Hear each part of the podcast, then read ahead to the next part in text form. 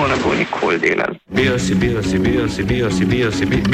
When I see photos of Lady Gaga's costumes, I'm convinced that she is a hacker, at least in the area of clothing. Tehnoklistir, oddaja, v kateri prečiščujemo vaše tehnološko drobove. Vsak tretji ponedeljek v mesecu na hekerskih valovih Radia Student. Now we got all the coconuts, bitch. Dobro večer, Pozdravljeni. poslušate Tehnoklistir, Uh, pred zadnje leto, načeloma, zadnji letošnji. tako da imamo posebno decembrsko izdajo. Ja, se pravi, pri, primarna tema današnjega uh, tehnoklistirja, oziroma načrtovana tema, je uh, bila. Uh, Neka vrsta recenzije oziroma predstavitev vsebine knjige Pavla Kokšota. Paul Kokšot je um, škotski računalniški znanstvenik, ki se tudi z ekonomijo ukvarja. uh -huh, Napisal je eno izmed neko temeljno knjigo o ekonofiziki, kar je pač obravnava ekonomije z uporabo določenih eh, konceptov, kalkulacij in podobno iz fizike. Sicer pa gre za knjigo Towards New Socialism, izdano leta 1993, ki jo je spisal skupaj z Alinom Cottrellom. Um, v tej knjigi pa v osnovi zagovarja neko centralno plansko gospodarstvo z oporo na nek kibernetski sistem, torej na računalniško komunikacijsko mrežo, s katero bi spremljal uh, produkcijo in uh, bi bila uporabljena kot orodje za planiranje produkcije kot take. ja. Torej, ful smo se ukvarjali z planskim gospodarstvom, ampak, In nekako- planiranjem na splošno, ja. ampak ni, šlo, ni šlo vse po planu. No. Um, Ja, ni šlo vse po planu, tako da a, bo danes mogoče, oziroma bo oddaja malo bolj odprte forme. A, Ja, v začetku vseeno bi, kar že pravzaprav počneva, napovedala naslednjo oddajo, ki bo nek poglobljen vid v to knjigo, pa v razne koncepte, ki so predstavljeni. Pa če gre za plansko gospodarstvo, ki je potem razdeljeno na razne segmente, skupaj z neko direktno ali direktnejšo demokracijo, prav tako s pomočjo kibernetskega sistema. nekaj zelo podobnega, kot je bil čilski Cybersin. Uh, ja. V osnovi pa ja, z- gre za centralno plansko gospodarstvo, ki ga tudi primerja v raznih točkah uh, z sovjetskim planom uh, pod Stalinom. Ja, in tudi kasneje, ne, se pravi, v bistvu poda kritiko tega sovjetskega plana.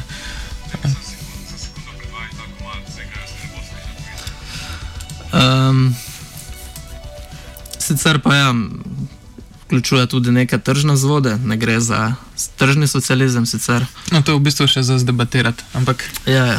jaz bi mogoče to vsem pustil za naslednjo oddajo. Ja, dajmo ne raje skvari teme. Mislim, žal se pač nismo dovolj poglobili, pa bi Zmanjkalo znamo. časa. Ne. Pa teme so malo um, širše od tega, kar sicer pokrivamo. No. Malo bo treba še ekonomijo naštudirati, pa najti lepšo pot za predstavitev. Tako da mogoče za um, zdaj bi kar um, nadaljevali s tem, kar smo uh, poročali že v enem izmed decembrskih, brit, bri, bri, decembrskih Britofov, oziroma gre za uh, nadaljevanje uvajanja uh, digitalne, digitalnega davka v Evropski uniji.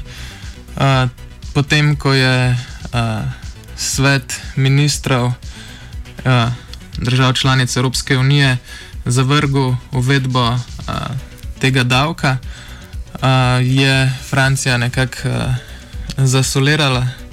Že prej je govorila, da če davek ne bo šel skozi, um, da bodo pač oni. Uh, Da bodo pač oni uh, sami uvedli tak davek, uh, in um, najprej, so, najprej je bil, bilo načrto, da bi uh, za, zakon s tem davkom uh, uvedel marca 2019, uh, zdaj mislim, da prav danes pa je francoski finančni minister uh, napovedal, da uh, bo zakon stopil v veljavo že uh, s 1. januarjem 2019. Ne. uh, kar je uh, tako rekoč pred vrati. Um, zdaj, tako podoben davek je uh, že uvedla Avstralija, uh, gre se pa za to, da mislim, cilja predvsem na te um, informacijske multinacionalke, ki, um, ki pač imajo sedež, sedeže ponavadi v državah, v katerih so dobički precej manj obdavčeni uh, in um, jim to omogoča, da se uh, izvijajo davkom, kakršne bi uh, sicer plačali v državah z uh, višjimi obdav obdavčitvami dobičkov. Uh, ja, gre za večno igro, ne pač. Pač kaj misliš, oziroma pač. Ja, mislim, Irska tukaj je ena izmed držav, ki um, močno vleče nazaj uh, situacijo. Uh, Nekako se je z precej nekimi informacijskimi multinacionalkami pogodila, da bodo um, na Irskem plačevali um, precej nizke davke. Tako da zdaj mislim, da je kar precej enih teh uh, korporacij, uh, uh, Apple, Facebook, um, pač stacioniranih oziroma je njihova evropska izpostava stacionirana na Irskem. Um, mm, ja, no, in um, se pravi, Francija potem od uh, dobičkov, ki jih te multinacionalke ustvarjajo v Franciji, ne more pobrati davkov, zato ker jih pobira um, Irska. Uh, zato se je uh, Francija odločila, da bo uh, sama uvedla uh, neko obliko obdavčitve. Zdaj, kako približno to zgleda? Um, mm, se pravi, um, predlog, ki je bil uh, obravnavan v, uh, uh, na svetu finančnih ministrov, um, je predvideval 3-odstotno dajatev za podjetja, ki imajo uh, svetovni letni promet višji od 750 milijonov evrov in uh, promet v Evropski uniji nad 50 milijonov evrov. Uh, se pravi, uh, tak davek bi morali plačevati okrog 200 podjetij, um, in za to bi pač za celo Evropsko unijo um, znesel okrog uh, 5 milijard evrov. Zdaj, čistočno, um, kako bo Francija to prilagodila, ne vemo. Ne? Um, je pa zanimivo, da je podoben davek uvedla, uh, oziroma pač že pozna Avstralija. Um, Avstralija je recimo, uh, mislim, da leta 2016 um, uvedla nek podoben, podoben davek, se pravi za podjetja, ki imajo um, višji, uh, višji letni promet svetovni od neke mere in višji letni promet od toliko in toliko v Avstraliji. Um, pa uh, niso avstralska podjetja, so pač vseeno v Avstraliji obdavčena. Um, zdaj, ne vem, 2016, ko se je to uh, sprejemalo v Avstraliji, uh, je šlo to nekako mimo mene. No? Um, ampak predvidevam, da uh, je bilo veliko kritikov na račun tega, kako, bo, kako bodo zdaj v Avstraliji zaostale inovacije in ne bo več investicij in pač vsta uh, soroden govor, ki ga slišimo ob uh, podobnih, uh, podobnih uh, zakonskih predlogih ne, uh, v javnosti.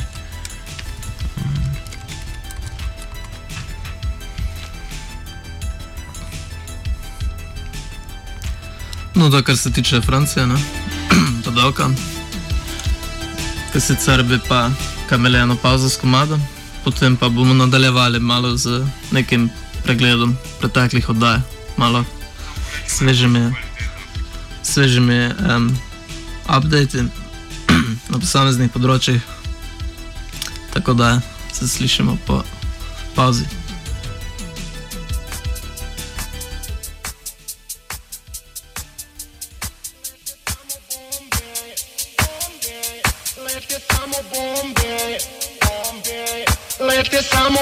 Samo bombe.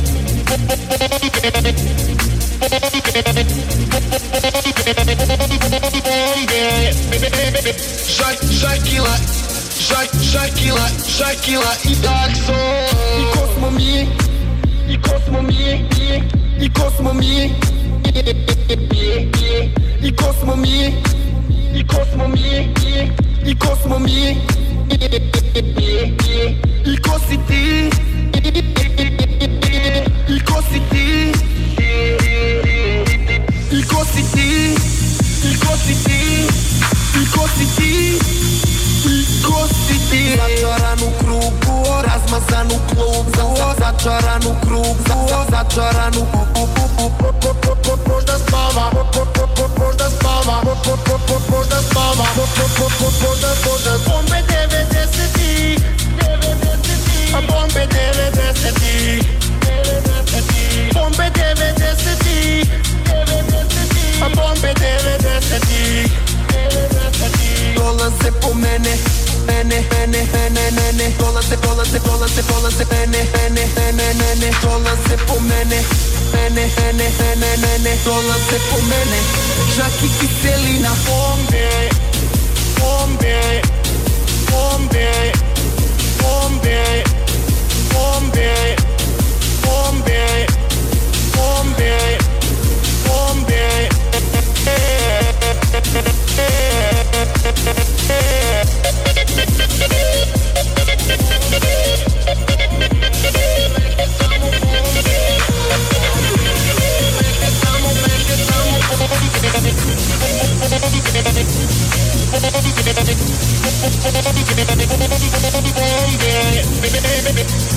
Shakila, Shakila, Shakila i takso. I ko smo mi, i ko smo mi, i ko smo mi, i ko smo mi, i ko smo mi, i ko smo mi, i ko si ti, i ko si ti, i ko si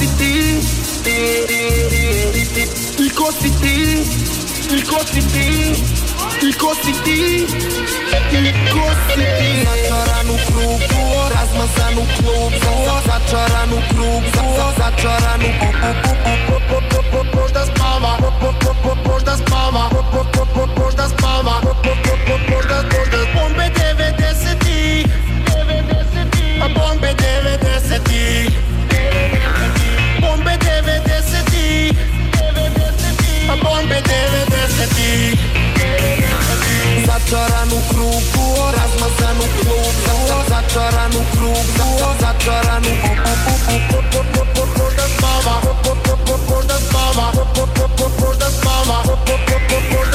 Pompe deve desserti La pompe deve desserti Pompe deve desserti La pompe deve Dolaze po mene, mene, mene, mene, mene Dolaze, dolaze, dolaze, dolaze mene, mene, mene, mene Dolaze po mene, mene, mene, mene, mene Dolaze po mene, čak i kiselina Bombe, bombe, bombe, bombe, bombe, bombe, bombe, bombe Shakila, Shakila, Shakila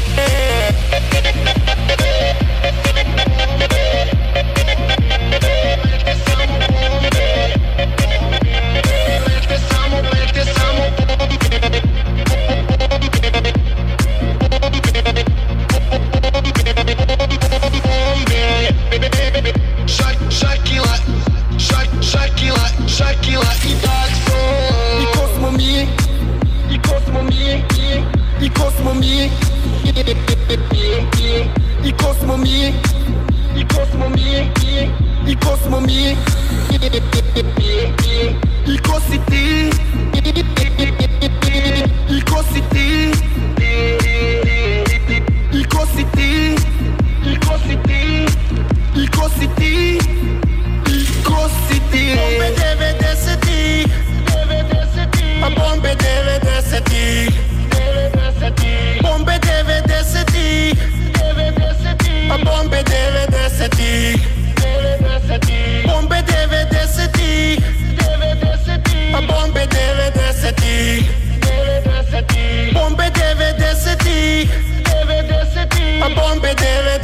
desetih. 90-ih.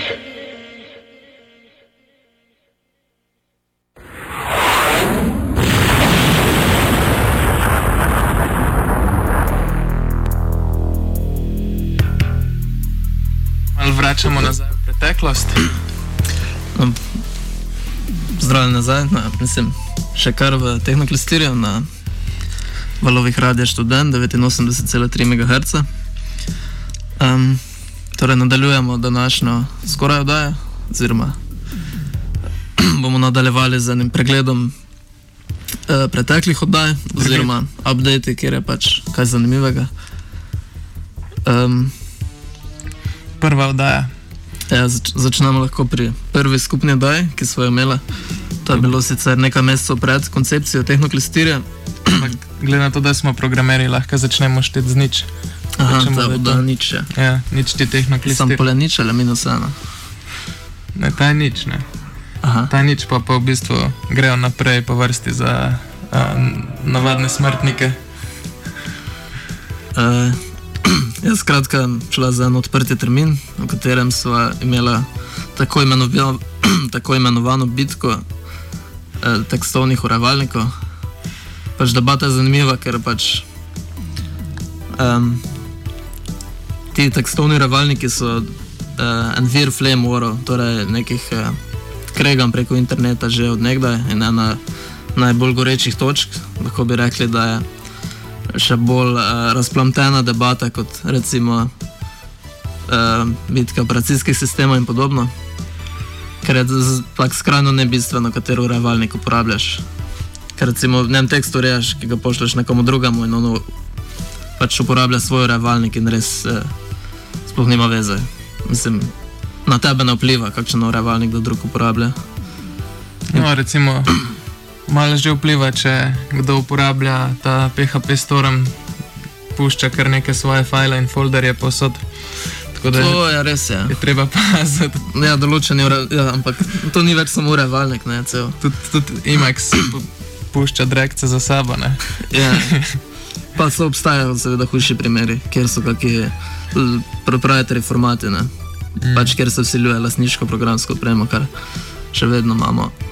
Tudi na radiju malo boje, ne? kar se tiče Office, pa eh, LibreOffice. Ampak, Ja. recimo, ti si bil um, strasten uporabnik Vima, ne? jaz pa Emaxa in uh, zanimivo, da mal po tej oddaji sva pa oba začela uporabljati SpaceMax. Ne? Ja, čeprav ti za tudi vim uporabljaš, če se ne motim. Ja, jaz tudi Vim uporabljam. Uh, Jaz zdaj uporabljam vim, še vedno, ampak v Emaxu, ne? ker Ja. pač Emax je superioren, to priznam. To bitko sem nek, na nek način izgubil, pač eh, že dolgo nazaj. Mislim, nisem izgubil, ker sem pač začel uporabljati boljši urevalnik. Ne? Ampak smo spoznali, da pač je vsak, eh, vsak urevalnik ima svojo vlogo in je čist fajn oba uporabljati. Ne? Vsakega takrat, ko je pač bolj uh, smotrno, glede na namen. mogoče samo še to, nekaj je SpaceMax.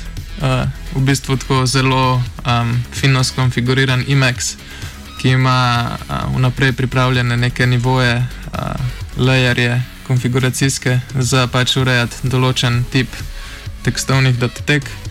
Um, Jaz Space Max full lahko priporočim, a. sploh eh, začetnikom, uporabnik. Mislim, dobro, se imam na nek način, mislim, ne, ne vem, če sem začetnik, ampak pač Space Max full lepo vzameš, je super skonfiguriran že vnaprej. ja, out of the box ima veliko funkcionalnosti, ki jih je treba Emexu pač omogočiti uh, preko uh, konfiguracije, ki pa se piše v Emex Lispu, pa mogoče ni glih. Um, mislim, še vedno je lepše za uh, konfigurirati kot Vim. Ne? Ja, Vim, Vim ima neko svoj, svoj jezik za skriptanje, Vim skript, pač copy-paste sem ga kdaj, ampak načeloma tak kar neka ogabna stvar, ko pač ne bi rabila obstajati, če si iskren. Ampak pri Maxu tudi konfiguracija samega urevalnika je taka kar hard geek forana.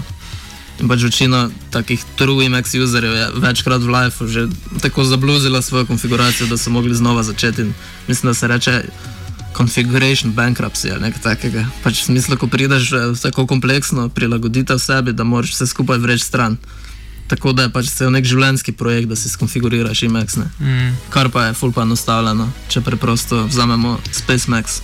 Ja, meni se je v bistvu tako vse skupaj zakompliciralo, ko sem hotel um, brati svojo spletno pošto iz uh, večjih uh, Googlovih uh, računov naenkrat. Pač dokler nisem imel Googlovih računov vključenih uh, v ta uh, modul IMEX-a za branje spletne pošte, je delalo vse v redu, tam pa se je zakompliciralo in uh, sem potem opustil ta projekt. Ne. Mi pa je žal, ta- recimo, Ta poslovanje je tako dosti neintuitiven preskok. Ne? Veš, da uporabljaš urejevalnik teksta za branje pošte. Ne? ja, Spomnim me na ta star jok v IMEX-u, ka.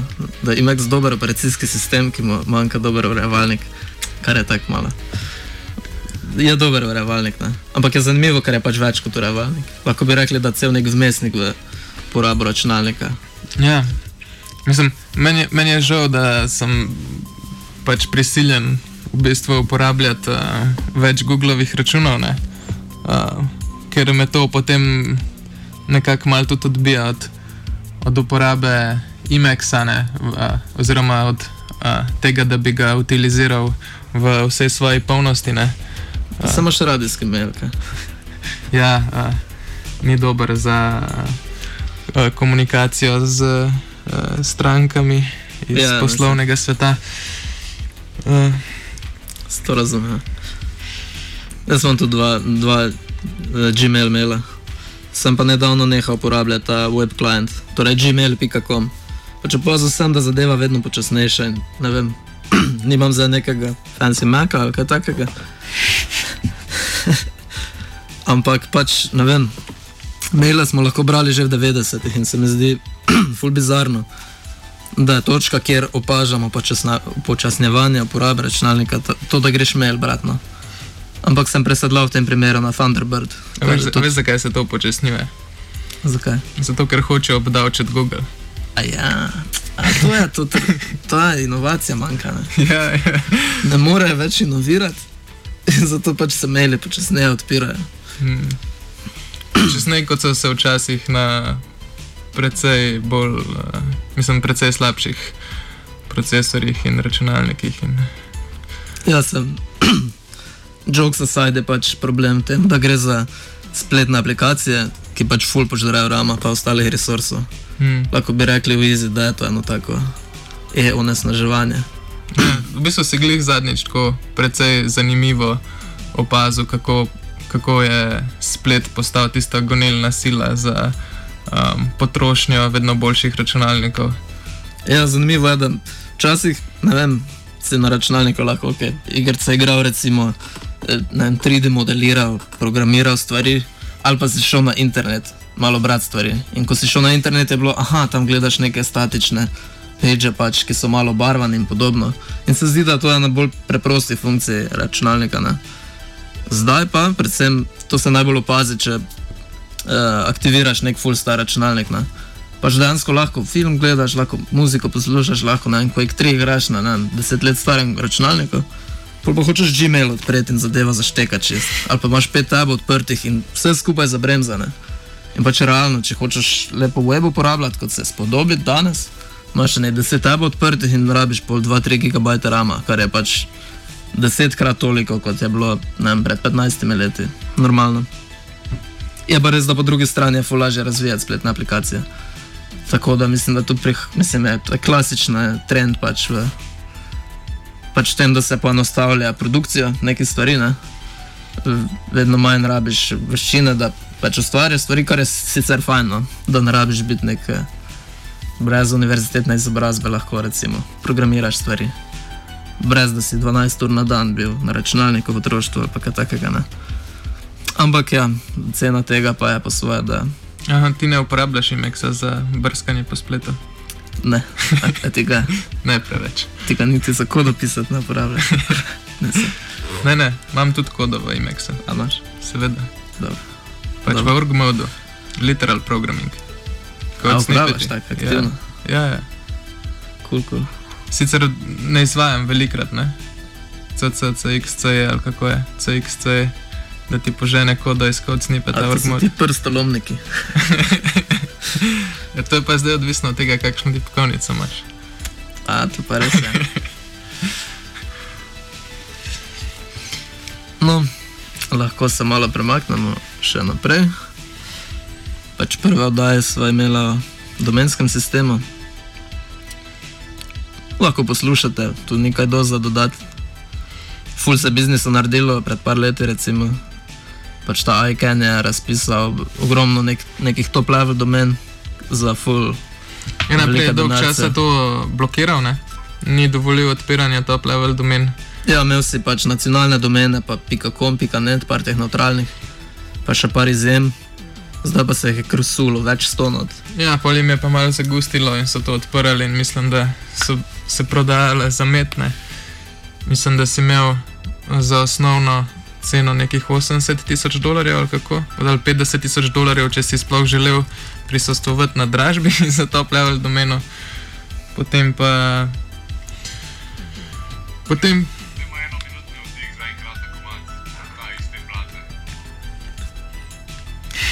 Um, no, tehnik naj je prosto, da bi imeli en krajši dih, da zadiha ali zadihamo skupaj. da si inštalirate IMAX. Ne, spacemax.org.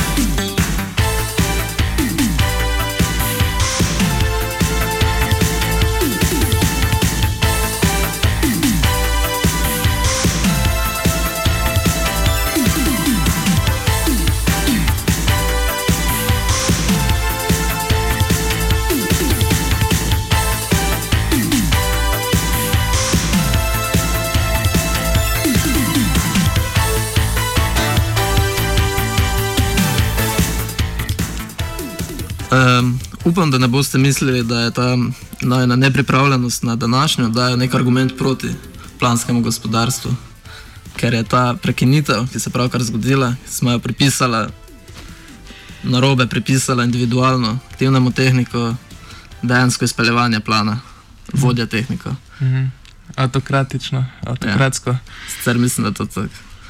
Ne, nič kaj dosti boljši argument za plan, kot je slaba pripravljenost, argument proti, ampak dobro. Kaj gremo na umetno inteligenco? Ja, pa umetno, umetna inteligenca ostaja še vedno ta velik hype word. Um, o tem sem premišljal nedavno, pa je.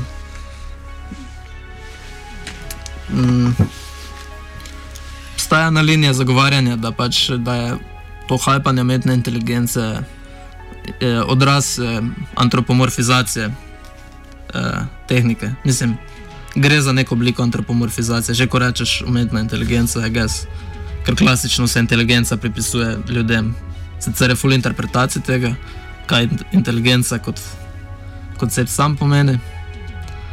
Pa jaz bi pa rekel, da gre bolj za neko abstrakcijo, oziroma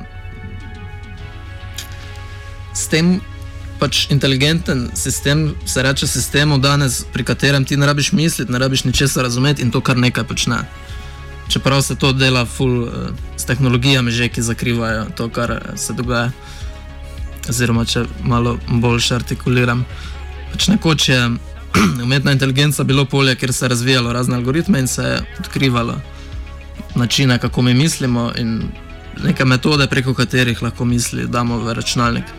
Tako da se odloži neko miselno delo v nek algoritem, ki nekaj izvede in bolj ali manj uporaben rezultat vrne. ne. Medtem ko neki machine learning in podobne stvari, ki so danes aktualne, pač se razume, kako delujejo, so zastavljene racionalno, pač smo jih ljudje ustvarili. Ampak tisti link med tem, kar vložiš, pa rezultatom, pa je pač zabrisan. ne. Rezultat pa je odvisen, vsaj v neki začetni fazi tega, kar smo sami zastavili. Ne. In te neke sanje, polno avtomatizirane produkcije ali trga ali whatever, so pač po mojem neka za koga utopija, za drugega distopija ali kaj. nekega sistema, kjer pač se ne bo več dalo sploh zagrabiti eh, zadeve ali pa začetka, pač kako se je vse skupaj začelo, eh, kako pač to poteka. Ampak ne, imaš kaj za dodati. Ne vem, če lahko povemo, kako je bilo na seminarju o, A, o tem, kako se uh, umetna inteligenca uporablja v praksi. ne. Uh, Ja, enkrat smo se prijavili na seminar od kaj Halkom ali kaj je bilo podjetje. uh, Pentagon. A, Pantheon, sorry. Pantheon je v bistvu neka platforma, ki nudi hosting, uh, drag hosting za uh, dobre biznise.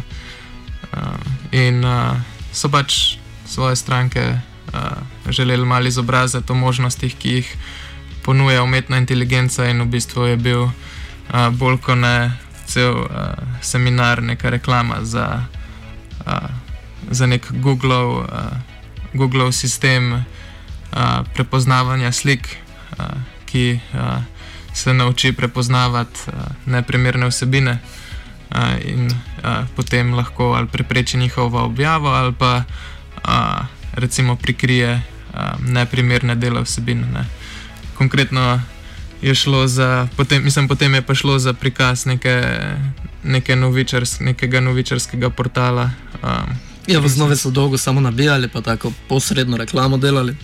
Ko pa je prišel tisti praktični del, tisto je bila pa direktna pa so rekli, reklama. ok, tu imamo platformo, userji full uploada vsebine, ne, Ja, ki hočemo jih, pač, da so nam uporabne, ampak je problem neka eksplicitnost in podobno in pole bi kaj kip Davida, ne. ja. In pač liste, ki mu je genitalija zakril. In to je bilo kao, wow. Ono. Ja, je bil wow, zaradi tega, ker je to naredil računalnik sam in ni bilo treba plačati ne, človeka, ki bi. A, a, včasih so mogli zbijati uh, iz kipca. ja, ja, zdaj, zdaj bi bilo v bistvu treba samo v slikarju en Ctrl-C, Ctrl-V, oziroma če hočemo biti uh, tehnoklistirsko korektni v Gimpu, ne, uh, uh, pač prilepati čez sliko, uh, zamenjati file na strežniku in dovoliti objavo prispevka. Ne. Ampak ja, uh, Ja, no, se zato bi realno rabil full moderatorjev. ja. Ker vse skupaj se prodaja folku, ki pač računa na to, da bojo Mm. presežno vrednost eh, iz Vsekakor je ta uploada, ne. sistem precej cenejši od uh, najemanja moderatorjev. ne. Uh, uh, tako da, ja, tako izgleda umetna inteligenca v praksi. Ne? Še kar.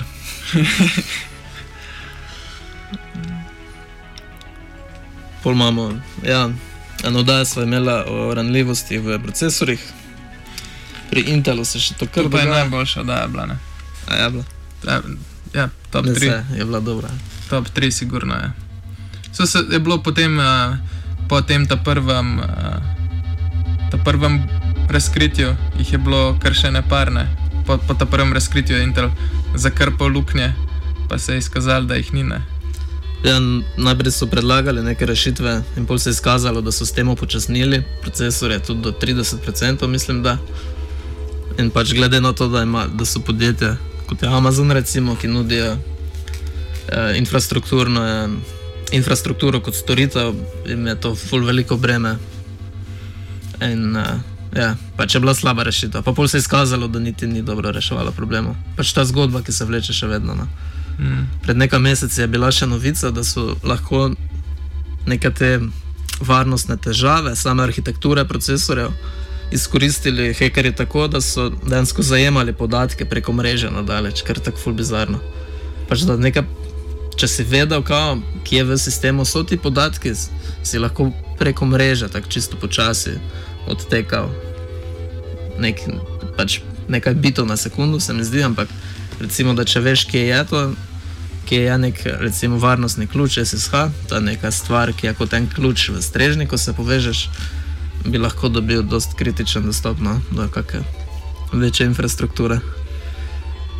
Pa še vedno, recimo, če hočeš imeti laptopa, ki nima teh eh, luken varnostnih, je treba nabaviti nekega IBM ThinkPada X200, recimo, ali pa T400, ko so z leta 2007 ali 2008. Mislim, da neki projekti so sicer, da bi začeli ARM procesorje delati. To so procesori, bolj, um, ki uporabljajo arhitekturo enako kot razni mobilni telefoni in tablice, kar pomeni, da bi bili malo počasnejši, ampak bomo še videli, kako se to razvija. No.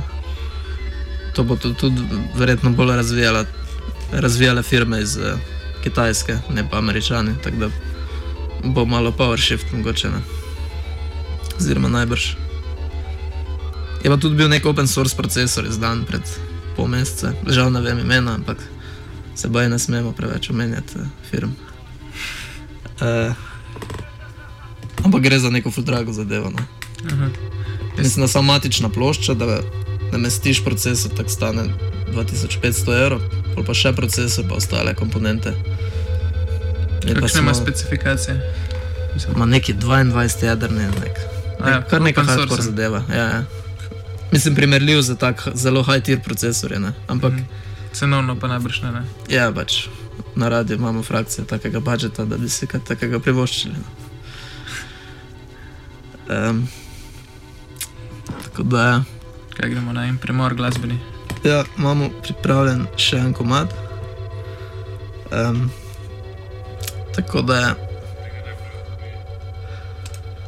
Um, tak komadič je že bil enkrat v rabi, v eni napovedi ene oddaje.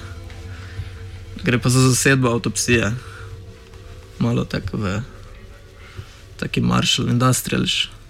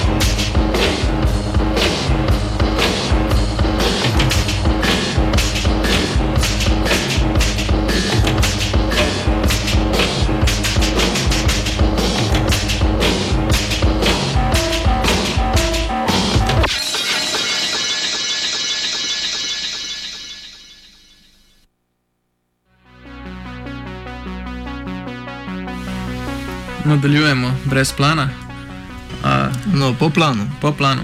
po planu, proti planu, po planu, mislim proti v smeri plana. Torej, ne. A, Skratka, ja. Kar dve oddaje smo letos namenili GDPR-ju, ne? splošni uredbi o varstvu podatkov.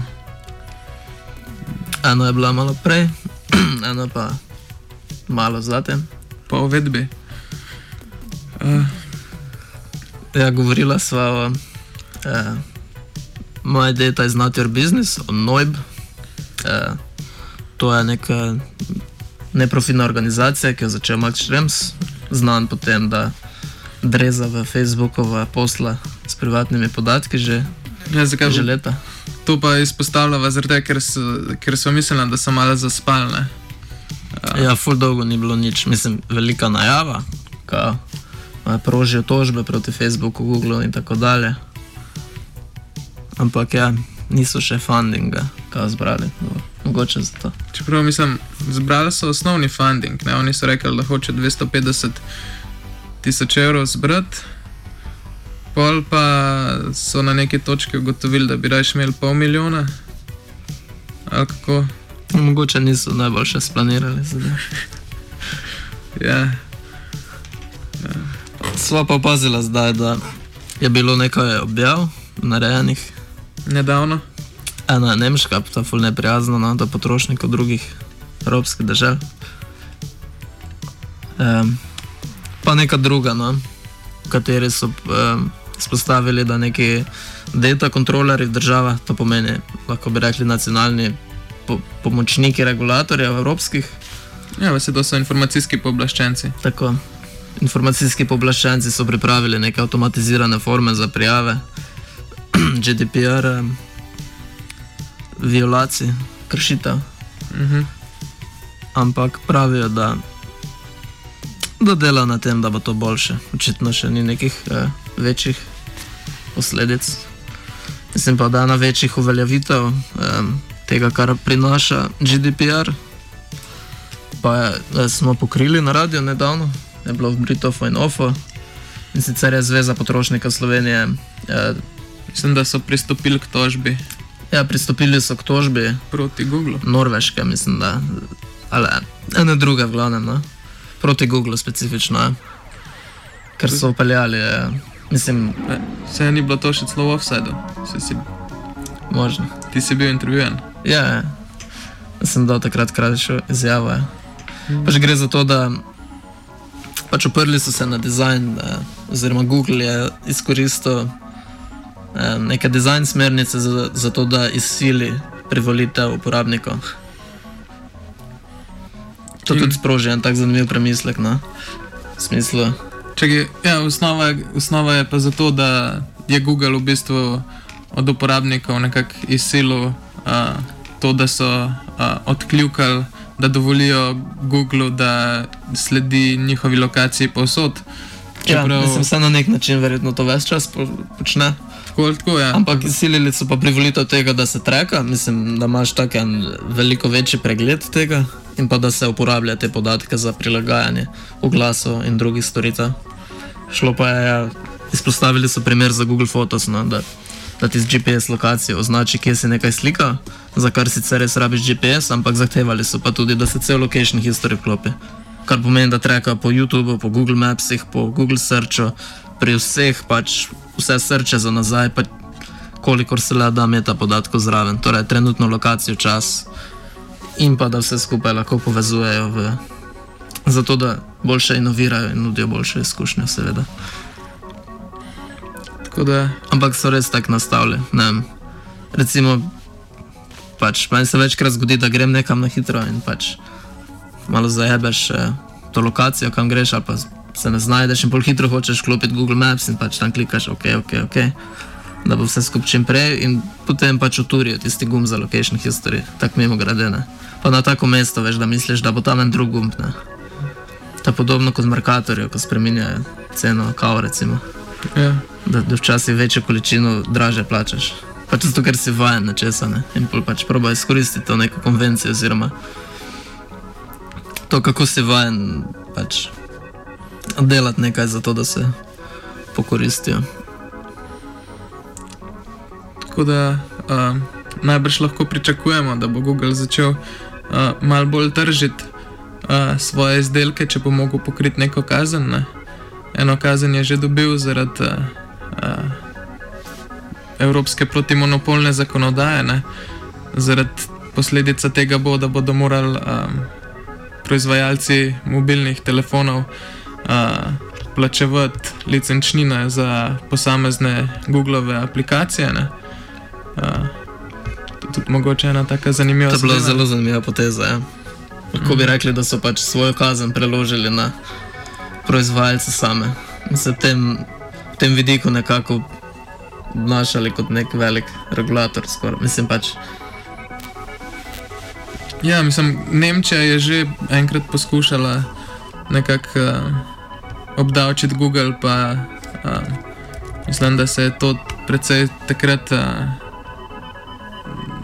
slabo išlo za Nemčijo. No. Uh, zdaj, v začetku oddaje smo že omenjala, kako, uh, kako Francija pač poskuša obdavčiti, obdavčiti te velike uh, informacijske korporacije, uh, multinacionalke, ne, zato da ne bi uh, davka na dobiček plačevala samo v državah, ki jim je najbolj ugodna. Ne. Um, mm, ja, bomo videli, kako se bo. Uh, ja, bo vas spremljala. stvar razpletla. Ja. Vsekakor, uh, ko bo kaj več znanega o tem, uh, bova o tem pripravila ali, ali vsaj pod prispevek v tehnoklistirju. Uh, če ne bo kar celo oddaja temu posvečena. Aha, ena stvar, ki smo jo zdaj izpustili, še dve oddaji smo imeli o bitcoinih in kriptovalutah. Tukaj je zanimivo, pač bitcoin full pada, če kdo ni seznanjen, tako še vedno. Zdaj januarja letos je bil na okoli 16.500 Evrov. evrov, zdaj je na tak 3200 ali nekaj takega. Um, bova v opisu daje še dalen link, ki se tako lepo graf vidi.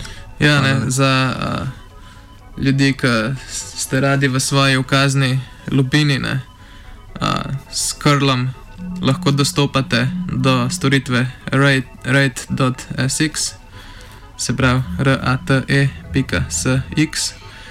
In ta vam lahko iz, izriše en tak lep graf vrednosti bitcoina oziroma tudi drugih kriptovalut. ne. Uh, Bova specifično Kasper popala v prispevek. Ja. Zdaj bova zaključila, ja, tako da Še ena- zaključujeva, ja. ja pa damo še, ja, kaj sem mislila. Ja, noče ima. tehnik je imel. Aha, tehnik ima glasbeno željo, ampak bi dala to pač potem, ko se posloviva, če kul. Cool. Ali, ali, ali bi rada še kaj pol povema? Ne, ok. E, skratka, um, pozivamo ja, poslušalce, da če imajo kako temo, komentar, karkoli, feedback, zdaj sploh ob koncu leta, da pripopajo komentar. Bolj zaželjeni so feedbacki na prejšnje oddaje. Uh, ampak dobro. Um, sicer pa ja, naslednjič vabimo k poslušanju, pač dejansko o Towards New Socialism, Na Pavla centralnem Hopšota. planu, oziroma ne centralnem, decentraliziranem planu. Ja, no, Planu, planu. planu. Tako da Z vami sva bila. z vami smo bila Leo in Gizmo, tehniciral je Temps. Lahko noč.